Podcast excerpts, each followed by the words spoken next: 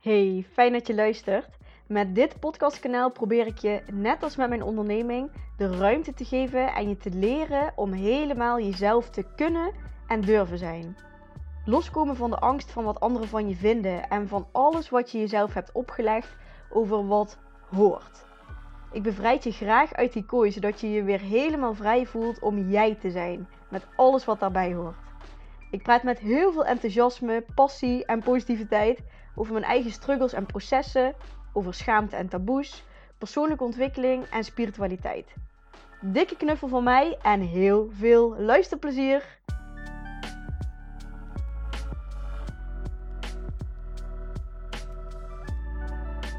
Hey lieve luisteraar. Weer een nieuwe podcastaflevering. Ze komen niet meer zo regelmatig online. Misschien gaat dat in de toekomst wel weer gebeuren, maar ik doe nu gewoon lekker op de flow wanneer ik hem voel. En uh, ja, dat voelt voor nu beter als wekelijks uploaden. Maar fijn dat je er weer bent. Um, ik wil het vandaag hebben met je over een best wel beladen thema voor mezelf. Uh, waar ik nu, zeg maar, qua emoties ook gewoon nog middenin zit. Maar het leek me fijn om daar juist nu eventjes over te gaan praten. Ik deelde ook op Instagram vandaag van uh, drie keer raden waar ik zit in mijn uh, cyclus. Ik deel op Instagram in mijn stories ook vaak over mijn cyclus en hoe ik die vergelijk met de seizoenen. En daar heb ik hier ook een aflevering van opgenomen. Alles over menstrueren en je cyclus. Um, omdat ik vaak al merk, zeg maar, aan de hand van waar mijn interesses liggen en waar mijn gedachten naartoe gaan en hoe ik me voel. Ja, waar ik zit en, en dat geeft me heel veel rust. En um, dat maakt ook dat ik dingen wat meer van een afstandje kan bekijken, als dat ik echt verstrikt raak in bepaalde stukken van mezelf. Um, ja, dus het is voor mijzelf heel fijn om die bewustwording te creëren over, over mijn cyclus. En dat ik nu dus duidelijk voor mezelf in de herfst zit. En dat hij ook even extra extreem aanvoelt. Vergeleken met de afgelopen maanden. Toen heb ik echt een hele rustige periode gehad eigenlijk. Uh, ik had net een uh, liedje opstaan. Van uh, Mo is die volgens mij. Dat heb jij gedaan. Is nu eentje die ook in hitlijsten staat. En ik voel die heel erg en die komt heel erg bij me binnen. En ik zal ook in deze podcast uitleggen waarom. En uh, ja, ik wil graag ook mijn inzichten met je delen en ook mijn ervaringen met je delen. Omdat ik denk dat dit gewoon thema's zijn waarover gesproken mag worden. Um, ik vind het ook altijd een beetje spannend om het over deze thema's te hebben. Omdat het toch vrij kwetsbaar is. En uh, ja, er zit dan ook altijd een beetje nog zo'n patroon in mij die niemand wil aanvallen of uh, ja, vooral die niemand wil aanvallen. En ja, dus op voorhand wil ik ook gewoon even zeggen dat dat niet de bedoeling is. Eigenlijk heel stom dat ik dit nou zeg, want dat heeft eigenlijk wel deels te maken met het inzicht wat ik ook vandaag met je wil delen. Maar goed. Oké, okay. updates. Um, ik heb een vriendje sinds kort. Een hele fijne man waar ik uh, me mee omring. En dat is echt fantastisch en heel fijn. En eigenlijk alles wat ik heb verlangd in een man vind ik in hem nu op dit moment. En dat vind ik heerlijk, vind ik heel fijn. Uh, ik vind het ook heel fijn dat we samen gaan kijken naar een vrijere relatievorm. Iets waar ik ook al uh, jaren naar verlang. Wat ik nu echt eens kan testen met een vriend naast me. Want het is natuurlijk heel anders als dat je vrijgezel bent of single bent. Dan kan ik al nadenken over zulke dingen. Maar goed, dan um, weet je natuurlijk niet hoe dat in de praktijk gaat werken. Dus ik vind het heel fijn dat ik dat met hem ga doen. Ik vind het heel fijn dat hij mij echt verwelkomd op, op alle vlakken en ook met alle delen van mij. Dus ik, heb, ik voel echt de ruimte om alles van mezelf te laten zien bij hem, ondanks dat we nog maar ja, iets van drie maanden elkaar kennen en zien. Um, ik voel me gewoon heel veilig bij hem en ik heb ook echt het gevoel dat hij mij ziet staan in wie ik ben En eh, dat voelt zo heerlijk. er is heel veel communicatie, heel veel open communicatie, contact over, praten over alles, ook moeilijkere dingen. En eh, ja, dat vind ik gewoon heel fijn. En uh, ja, ik uh, spring misschien een beetje van hot naar her, maar oké, een um, dik jaar geleden ging ik met een jongen om.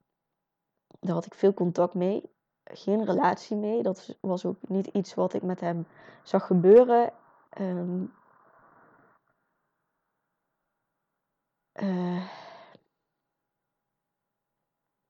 het is gewoon met die jongen gewoon heel vervelend gelopen. En ik zat toen heel erg in mijn the good girl patronen. Heel erg in de helpersrol. Uh, het ging niet goed met hem. Um, verslavingen. Heel laag zelfbeeld. Um, ja, en ik denk dat ik op dat moment gewoon wel dacht van dat ik hem wel kon fixen. En daar had ik wel een handje vol van vroeger. En op een of andere manier kreeg ik ook altijd dan de jongens op mijn pad die ik even kon gaan fixen. En daar heb ik nu echt dus totaal geen zin meer in. Maar dat was toen gewoon wat op mijn pad kwam. Mm. In dat jaar dat ik met die jongen omging, was ik heel erg bezig met grenzen stellen. En dat was iets wat ik daarvoor totaal niet kon, niet deed. En uh, dat besef kreeg ik toen. Dus ik had het idee toen ik met hem omging dat jaar dat ik daar echt heel goed mee bezig was. Met grenzen stellen, weten wat ik wil. En als ik daar nu dus op terugkijk, een jaar verder, nu het contact ook verbroken is, zie ik pas in hoe fucking veel hij gewoon over me heen gelopen is, over me heen getrapt is. En um, wat voor nare dingen er eigenlijk allemaal zijn gebeurd in dat jaar. En hoeveel trauma's ik ook heb overgehouden aan dat jaar. Er gaat sowieso ge gejankt worden in deze aflevering.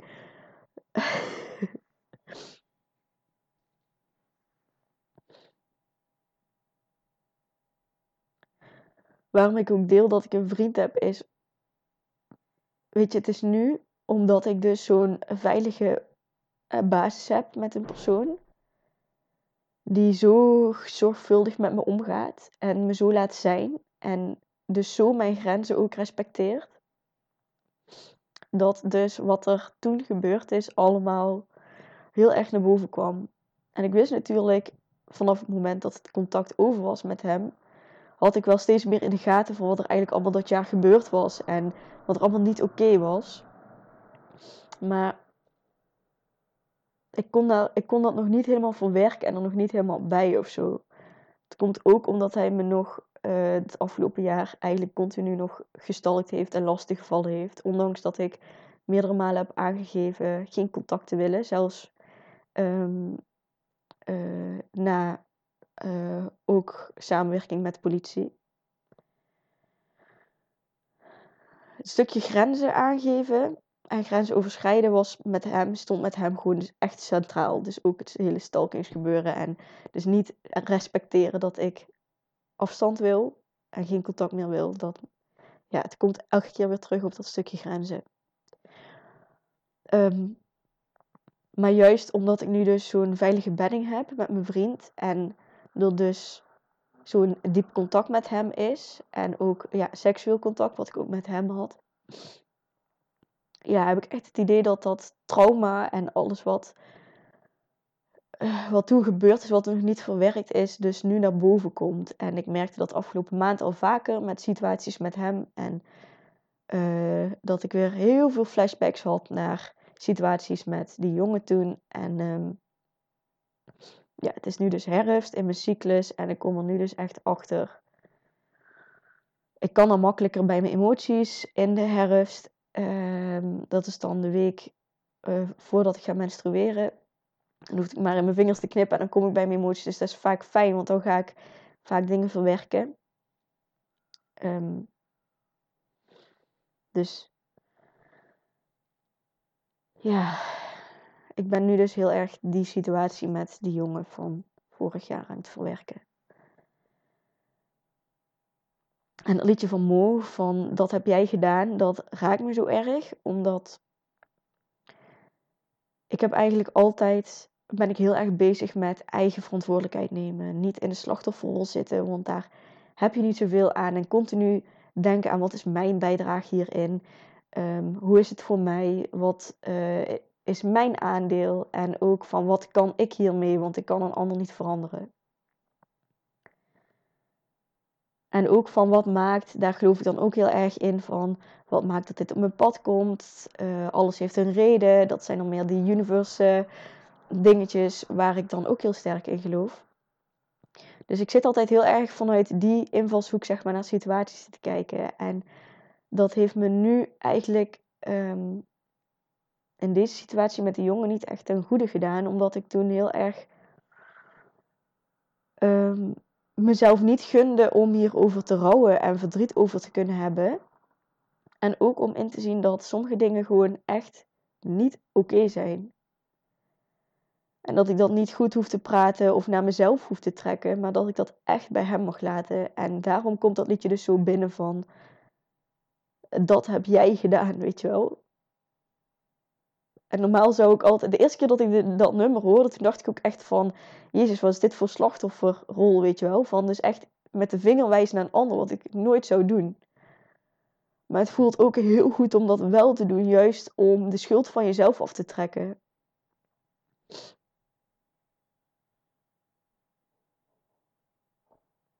Ja.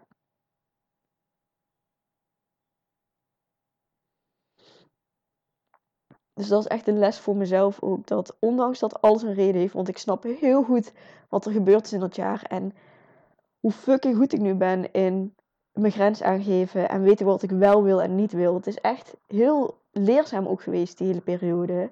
En heel traumatiserend. En ehm, ja, het is zo raar hoe je dan op, op die momenten zelf alles goed praat voor jezelf. En ik heb altijd wel een handje gehad aan heel veel empathie hebben, heel veel begrip kunnen tonen naar een ander en ook de ander heel erg kunnen voelen.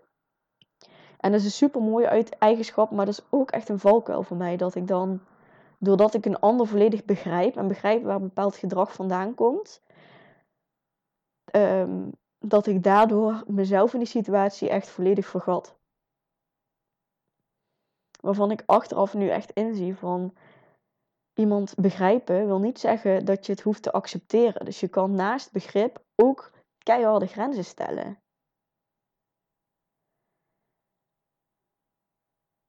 Een voorbeeld is um, waar ik dan laatst met mijn, met mijn vriend nu dus achterkwam, waar echt een trauma op zat, is dat hij. Um, hij had echt een soort van um, issues en trauma op seks zitten. Als in, hij wilde altijd seks. En um, dat was een heel belangrijk stuk voor hem. En als ik hem afwees daarin, dus als ik een keer aangaf van ik wil niet, um, dan bracht dat heel veel in hem uh, teweeg, zeg maar. Dan, um, het gebeurde heel vaak uh, s ochtends als ik nog sliep en hij al wakker werd, dat hij dan aan me ging zitten. En um, ja, ik was gewoon gaan slapen. Ik vond dat totaal niet fijn. Hij ging ook meteen naar intieme zones toe. En ik, um, ja, ik voelde gewoon in heel mijn lijf dat dat gewoon niet fijn was. Dus dat kon ik hem dan op dat moment wel aangeven. Zo goed als ik dacht dat ik met grenzen aangeven bezig was. Um, maar hij luisterde daar gewoon niet naar. En hij ging gewoon door. En ook al gaf ik hem tien keer aan van stop hiermee, weet je wel. Draaide ik weg, duwde ik hem weg ging hij er toch mee door. En, en soms was het gewoon zo dat hij dan zo emotioneel geraakt werd dat hij echt boos werd, wegliep, de deur dicht smijten of zelf ging huilen. Of hij voelde zich dan in zijn beleefwereld heel erg afgewezen. In, um... hij voelde zich dan heel erg ja, afgewezen op persoonlijk stuk. Dus als ik nee zei tegen seks, dan zou ik hem persoonlijk afwijzen. En ja, zat hij dus heel erg in zijn niet goed genoeg patroon. En dat wist ik ook van hem. En dat zag ik dan ook gebeuren. Dus dan ging ik mee in zijn emotie en zijn gevoel. Zo van, oké, ja, hij doet het niet expres, maar dit is zijn manier van erkenning krijgen. En ik wijs hem nu ergens op af. En hij wordt geraakt in zijn niet goed genoeg patroon. En ehm, ja, daar zat ik dan in. Terwijl tegelijkertijd gewoon een man me zit aan te randen. Ik word gewoon aangereikt. Ik zeg nee en hij gaat gewoon verder. Dus dat is zo fucked up, weet je wel.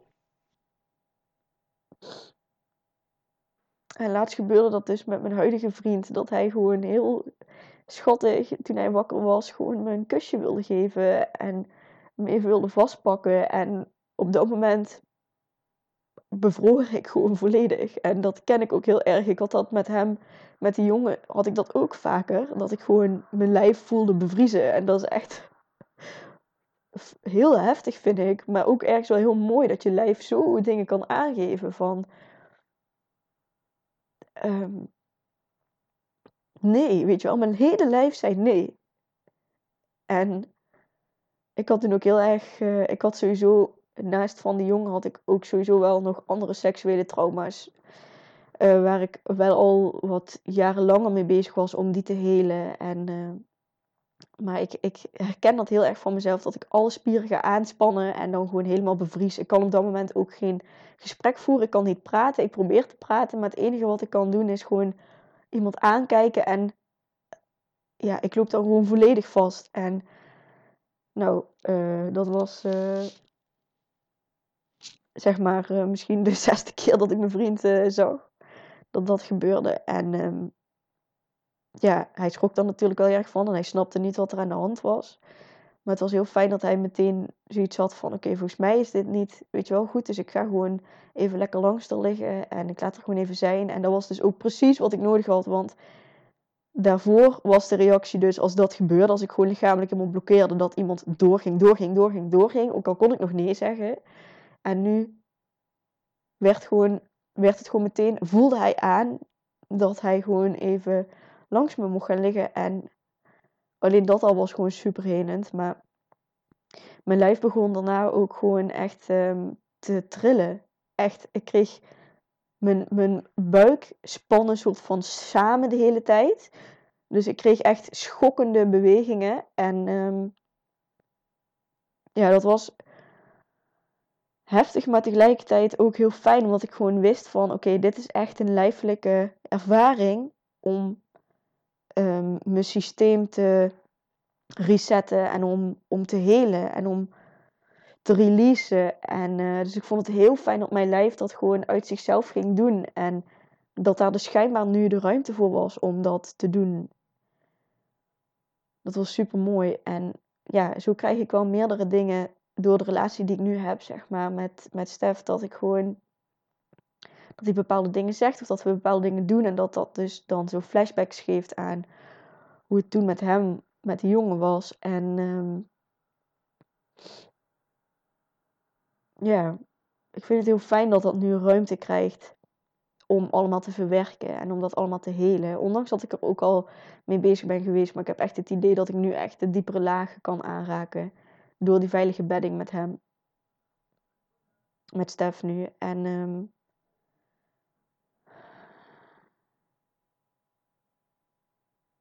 ja.